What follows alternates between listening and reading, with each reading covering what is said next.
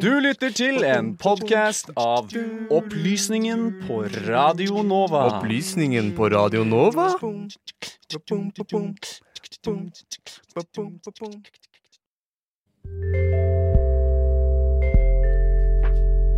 Teknologi og digitalisering gjør at det vi ikke fikk til for noen år siden, det er mulig nå. At det å stadig vekk skulle balansere mellom frihet og ufrihet Det er ikke noe særlig lurt å stole på viljestyrken, f.eks. Kirkas demokratisystem. Opplysningen hver fredag fra klokken 10 til 11.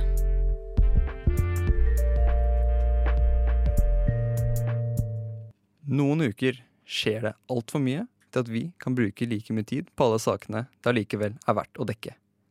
Derfor skal du nå få høre fem saker fra de siste syv dagene på litt under fem minutter.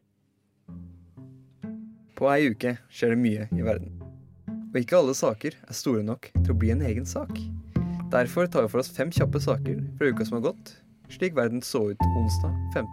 februar. Vi begynner i USA. Forholdet har lenge vært kaldt mellom Nancy Pelosi, lederen for Representantenes hus, og landets president Donald Trump. De to har ikke snakket sammen på fire måneder, og riksrettssaken har ikke gjort det noe bedre. Da Trump natt til onsdag norsk tid holdt sin State of the Union-tale, tilspisset situasjonen seg ytterligere. President Trump nektet å hilse på Pelosi da han gikk opp på podiet for å holde talen sin, og da presidenten var ferdig, rev Pelosi opp Trumps tale, så hele verden kunne se det. Trump skal ikke ut av regjering helt ennå, men NRK kan melde om at i etterkant av FrPs exit fra regjeringsprosjektet de har vært en del av de siste syv årene, har Siv Jensens parti steget på en meningsmåling de har utført. Flukten til Frp kommer på bekostning av den sittende regjeringen, og da nevneverdig Høyre, som på meningsmålingen mister 4,1 prosentpoeng. Frp tjener på sin side inn hele 5,7 prosentpoeng, hvorav resten trolig kommer fra Arbeiderpartiet, som mister ytterligere 2,9 NRKs meningsmåling viser dårlige tall for norske sentrumspartier som Høyre og Arbeiderpartiet, imens meningsmålingsvinnere er Senterpartiet, Rødt og Fremskrittspartiet. Mon tro om dette er en trend vi kan se inn mot neste års valg?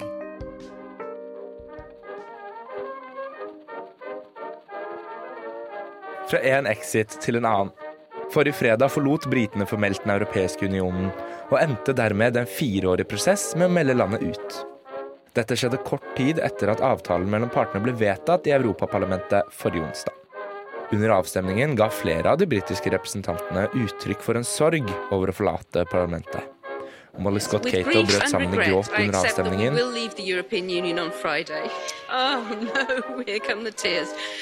Mens brexit-partiets Nigel Farage valgte å feire dagen og brøt EUs regler mot nasjonalflagg i parlamentet. I know you want to ban our national flags,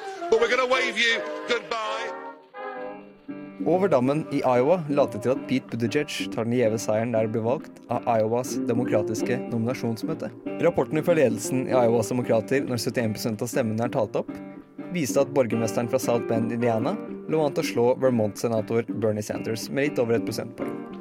Det er en av disse som vinner den prestisjetunge Iowa-nominasjonen, som er første hinder for å bli demokratisk kandidat, og det lover ofte godt for kandidaten som vinner Iowa i resten av kampen om nominasjonen. Vi holder oss i USA, for på mandag avholdes den 92. Oscar-utdelingen i landet. Og listen over de nominerte har nok en gang vært utsatt for kritikk. I likhet med fjoråret var det ingen kvinner nominerte prisen for årets beste regissør, til tross for at det i 2019 var flere kvinnelige regissører enn på mange år. Dette har ført til en stor debatt i ulike nettfora. Gjennom historien har bare fem kvinner blitt nominert til prisen. Bare én har stukket av med seieren. Mange peker nå mot en diskriminering mot kvinner i filmindustrien. Til tross for dette ansetter Netflix stadig flere kvinnelige regissører. Og tall fra 2019 viser at nærmere 20% av regissørene bak originalfilmer produsert av Netflix er kvinner. Det er altså mulig for kvinner å lage film, men om Hollywood følger etter, det er et annet spørsmål.